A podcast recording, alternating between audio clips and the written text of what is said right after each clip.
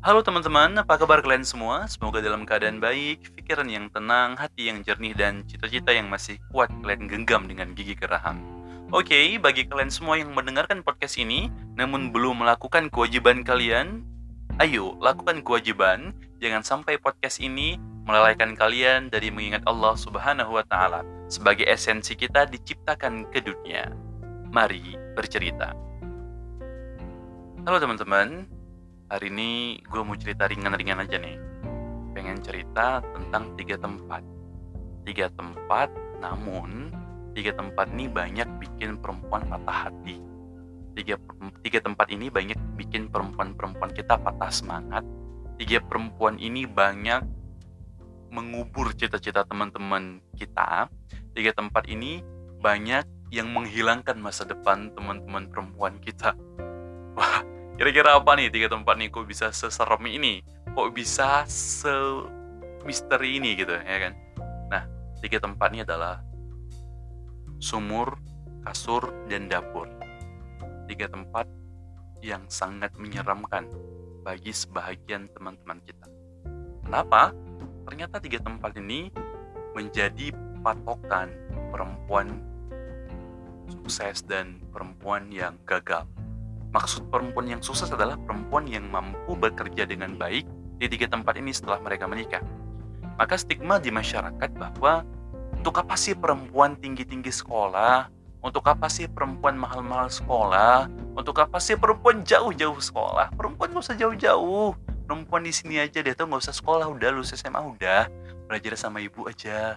Belajar sama ibu gimana cara masak, belajar sama ibu gimana cara nyuci, belajar sama ibu gimana cara bersihin kamar? Udah perempuan setelah nikah juga kayak gitu. Udah di rumah aja udah perempuan yang gak usah banyak-banyak habisin uang orang tua untuk sekolah. Nah teman-teman sebagaimana kita ketahui bersama kan ya pendidikan kita nih masih rendah banget nih teman-teman. Pendidikan di Indonesia dibandingkan negara tetangga kita Malaysia kita jauh tertinggal.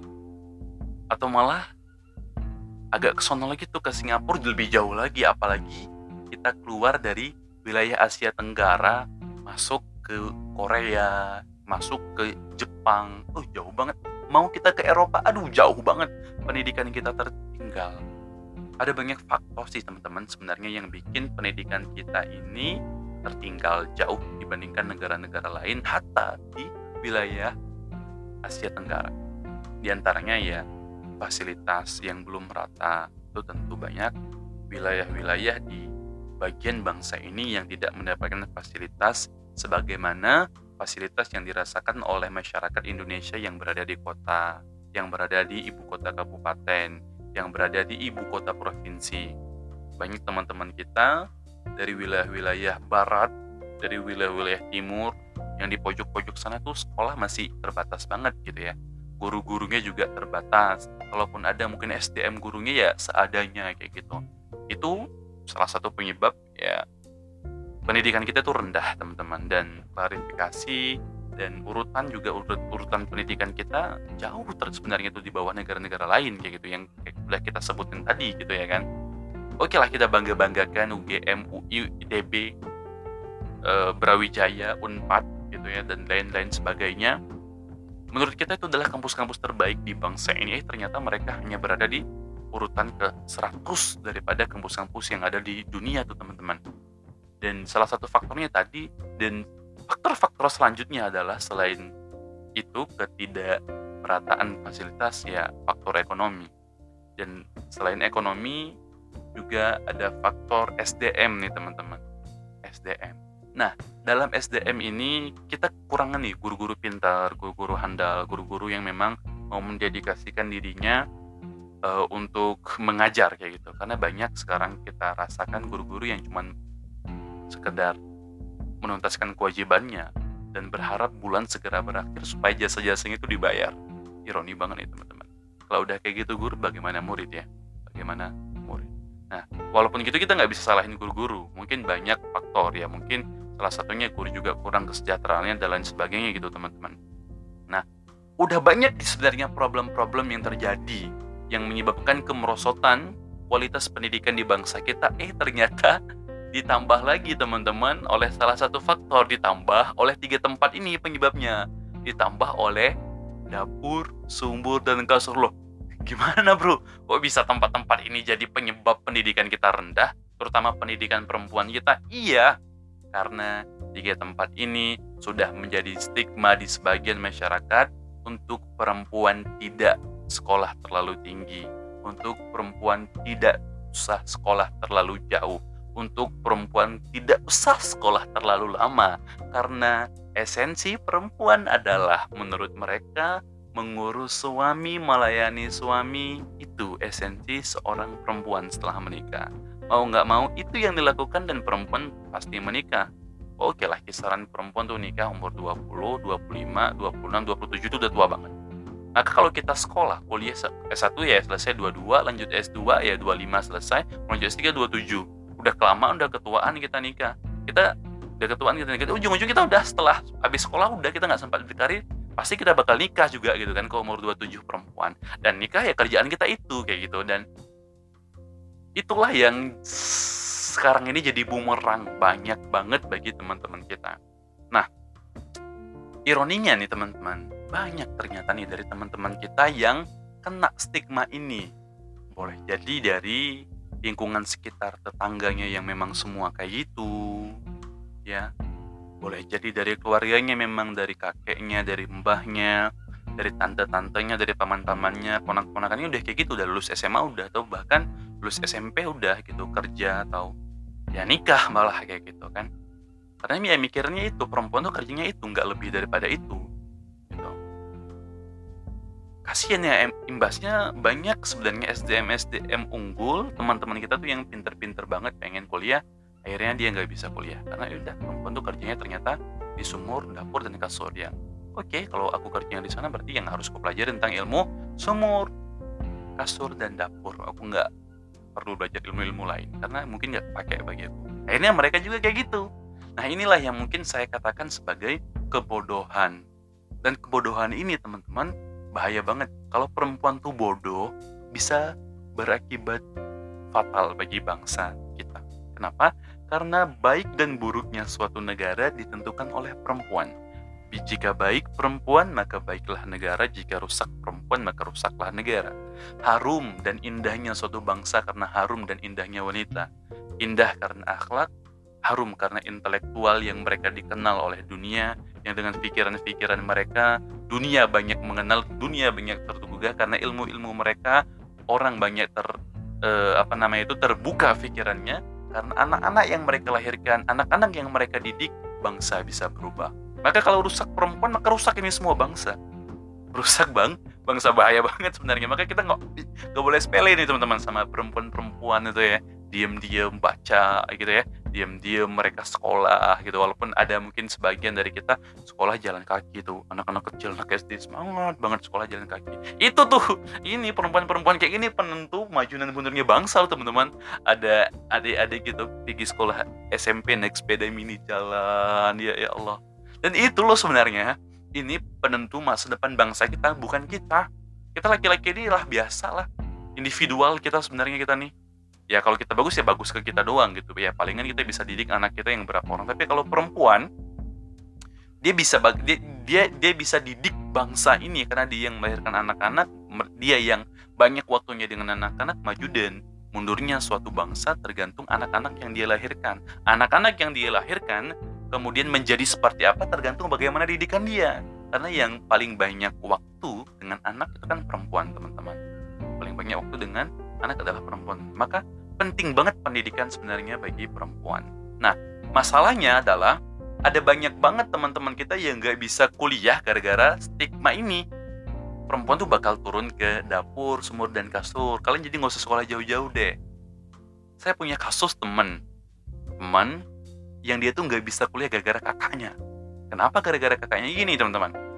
Jadi dia jadi jadi dia punya kakak, kakaknya tuh cewek. Nah, kakaknya itu kuliah. Setelah kuliah, kakaknya tiba-tiba ada jodoh gitu ya kan? Ada jodoh lamaran nikah gitu. Baru wisuda langsung nikah gitu. Akhirnya ibunya kecewa udah bodo amal ah ngapain lagi lu kuliah? Ya, karena bilang ke adiknya yang perempuan. Tadi kakak lo habis habis duit gua habis duit bapak lo ujung-ujungnya lo juga nikah buat apa? Ilmu lu nggak kepake gitu. Coba kayak yang diinginin oleh ibunya adalah yang ada di pikiran ibunya kalau udah kuliah harus kerja karena kau kuliah tuh supaya bisa dapat kerja karena lo kuliah tuh supaya kerjanya bagus nah ini nih pikiran-pikiran seperti ini yang sebenarnya mengkerdilkan keilmuan mengkerdilkan keintelektualitas mengkerdilkan apa itu kemuliaan daripada ilmu itu sendiri kayak gitu teman-teman tapi itulah yang menjabur di bangsa kita. Kalau ini nggak hanya terjadi di di di, daerah-daerah kecil, teman-teman. Kalau ini, ayo coba deh kita jujur. Mungkin keluarga kita sendiri masih berpikiran kayak gitu, kuliah supaya bisa kerja. Ayo loh, coba kita balik ya. Orang tua, buat coba kita balik ya. Coba kita pakai fakta ini di jalan yang real. Ini bakal lucu banget teman-teman. Kalau pikiran kita kayak gitu. Orang tua banting tulang untuk kita kuliah banting tulang cari uang untuk kita kuliah. Oke, okay? orang tua banting tulang cari uang untuk kita kuliah. Oke, okay? nah kita akhirnya kuliah. Setelah kuliah kita banting tulang untuk cari kerja. Kerja kita apa? Kerja kita banting tulang untuk cari uang. Jadi apa yang benar sih sebenarnya? Gitu. Orang tua kita banting tulang kerja untuk cari uang. Ya, uang itu dikasih untuk kita kuliah. Kita banting tulang kuliah untuk cari kerja artinya cari uang akhirnya kita gitu gitu gitu doang gitu jadi nggak ada kemuliaan ilmu itu sendiri sebenarnya bukan itu ilmu adalah tentang bagaimana kita bisa memilih ntar ketika kita terjun ke masyarakat ketika ketika kita menjadi seorang ayah ketika kita menjadi seorang ibu bagaimana kita bisa memilih pendidikan pada anak kita bagaimana kita bisa menentukan pilihan-pilihan bagi diri kita bagaimana kita lebih bijaksana menjalani kehidupan. Karena kita punya ilmu. Bagaimana kita lebih bijaksana memilih pemimpin? Karena kita punya ilmu. Kita tahu klarifikasi klasifikasi klasifikasi pemimpin-pemimpin yang layak kita pilih. Karena kita punya keilmuan. Karena kita punya keilmuan. Karena kita punya dasar nggak cuman dengar-dengar dengar-dengar kata orang gitu ya. Nggak cuman tergiur karena pencitraan. Akhirnya kita bisa membedakan gitu kalau kita punya ilmu.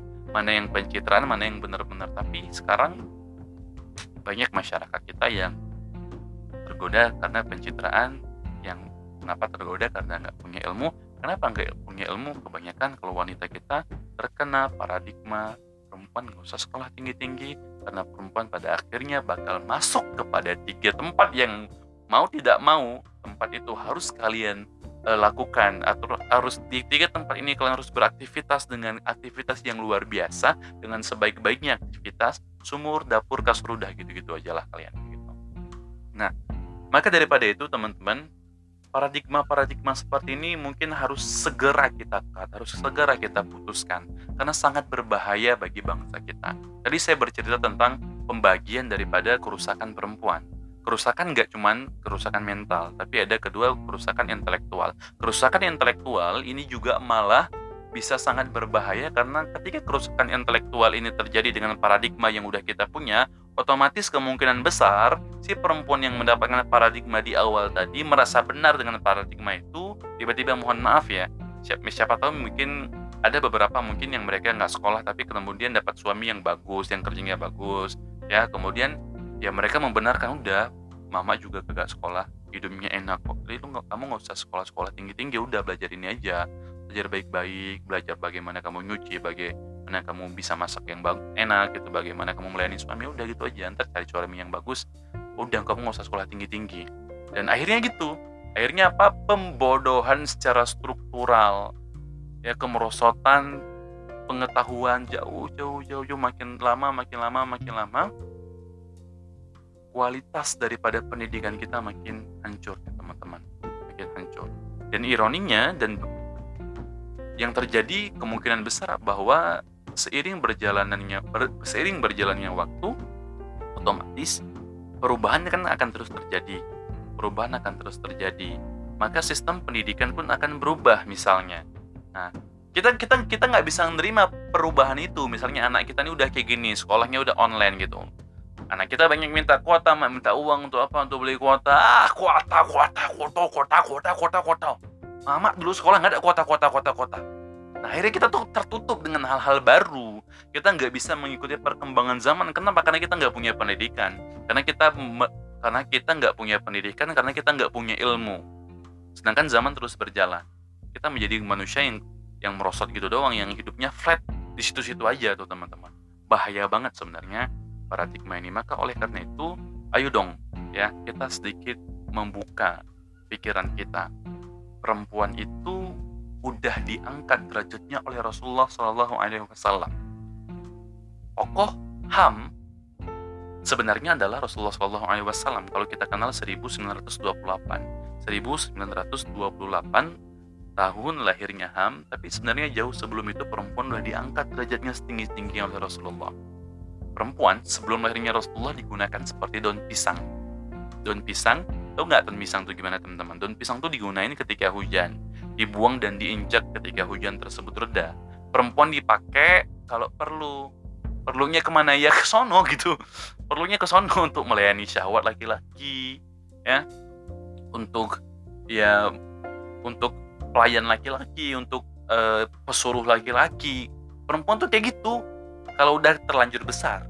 Tapi kalau dia ketika lahir udah ketahuan nih dia perempuan ya orang tuanya maksudnya ketika dia lahir ada orang lain tahu tuh perempuan atau bahkan orang tuanya sendiri yang kuat itunya hatinya dengan wilayah itu. Maksudnya dia udah mengikuti paradigma yang ada di situ bahwa perempuan adalah aib. Maka ketika lahir langsung diputar kepalanya. Mati karena perempuan tuh aib gitu. Perempuan tuh nggak ada harga perempuan tuh lemah perempuan tuh nggak bisa diajak perang. Tapi ketika hadirnya Rasulullah SAW perempuan diangkat derajatnya. Perempuan tuh bukan orang bodoh. Ketika ada Rasul tengok bagaimana tuh ibu kita semua ibu ibu kita bersama Aisyah. Ya Sayyidah Aisyah. Kan menjadi perempuan yang paling pintar gitu. Oh gimana tuh apa kapasitas intelektual Sayyidah Aisyah itu? Banyak meriwayatkan hadis. Salah satu syarat periwayat hadis kemudian hadisnya bisa dianggap sahih kan hafalan. Namanya tuh dobit hafalannya itu. Sikoh istilahnya itu. Ya. Maka perempuan itu ketika lahir Rasulullah SAW itu diangkat derajatnya udah diperintahkan untuk belajar sebenarnya udah udah ada udah ada sinyal sebenarnya perempuan tuh harus pintar nih seperti Aisyah kayak gitu.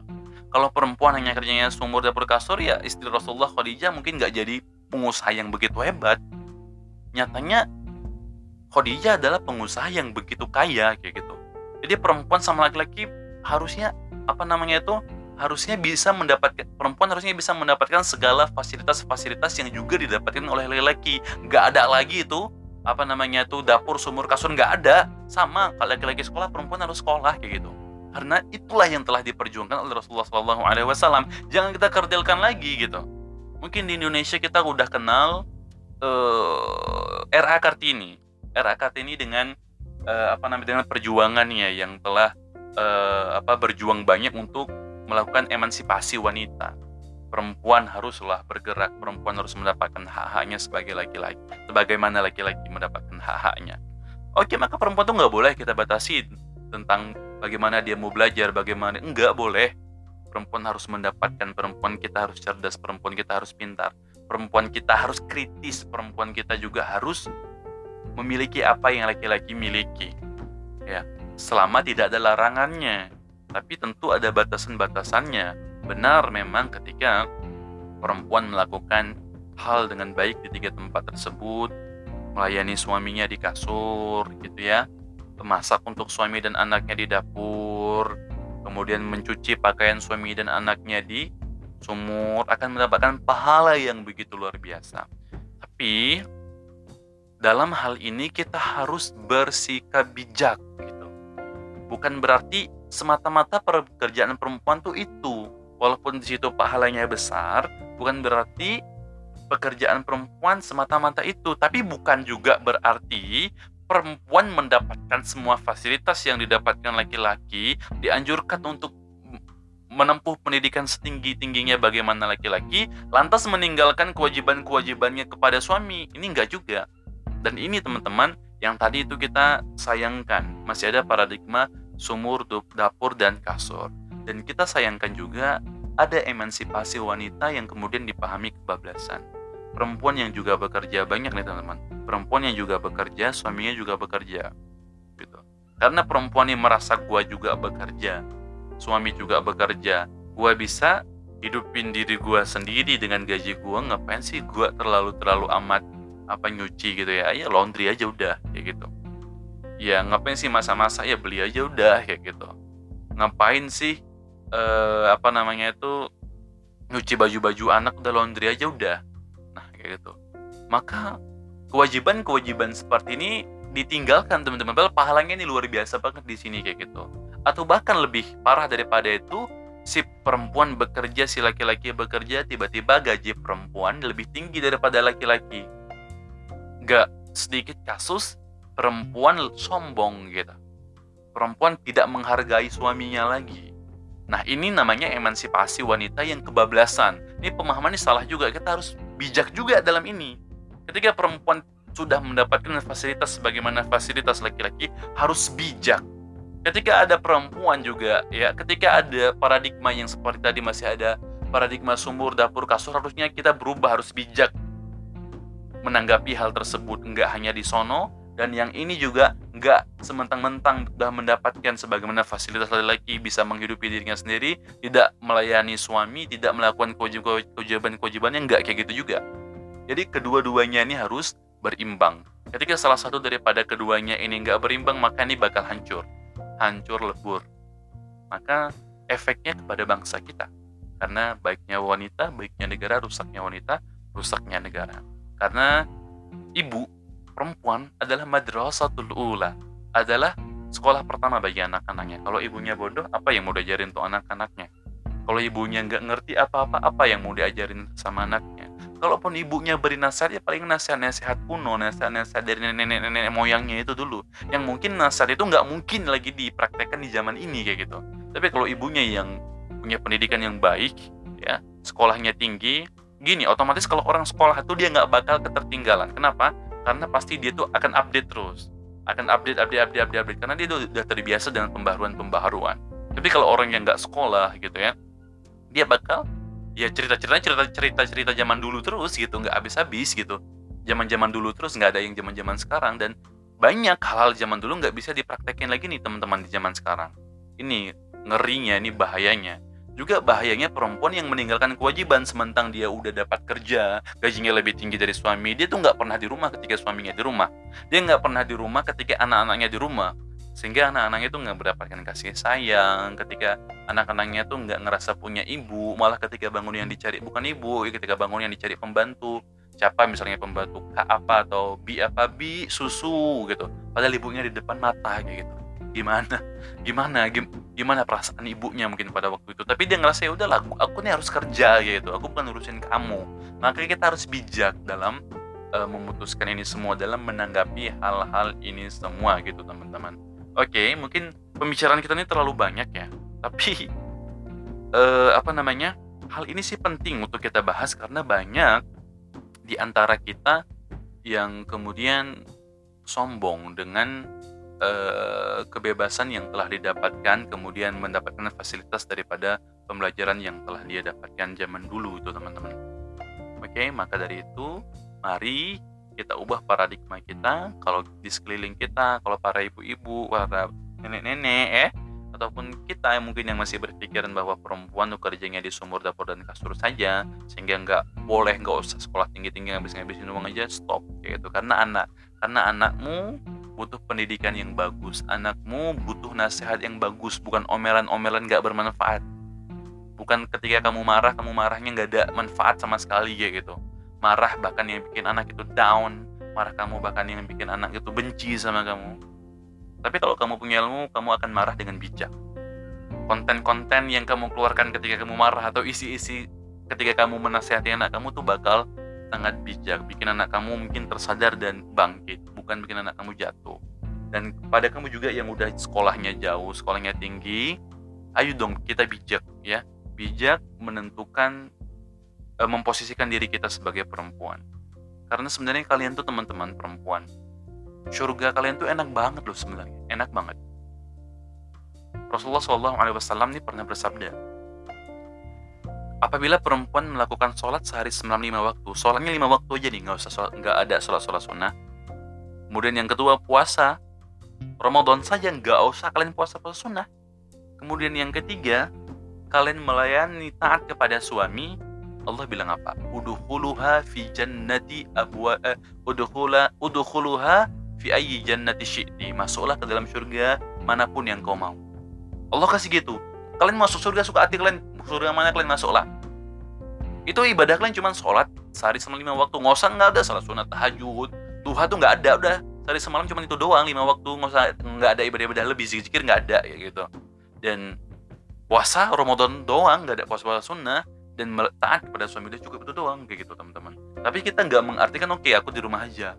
Enggak kalian tetap sekolah kalian tetap berpendidikan tapi bagaimana kalian posisikan diri kalian tetap oke okay, mungkin kalian kerja dari jam setengah delapan sampai jam satu ya udah kalian pagi tuh bangun lebih cepat ngurus anak sampai berangkat sekolah ngurus suami ntar suami berangkat kerja baru kalian berangkat kerja pulang kerja langsung pulang ke rumah sebelum suami pulang kalian udah siap seperti itu.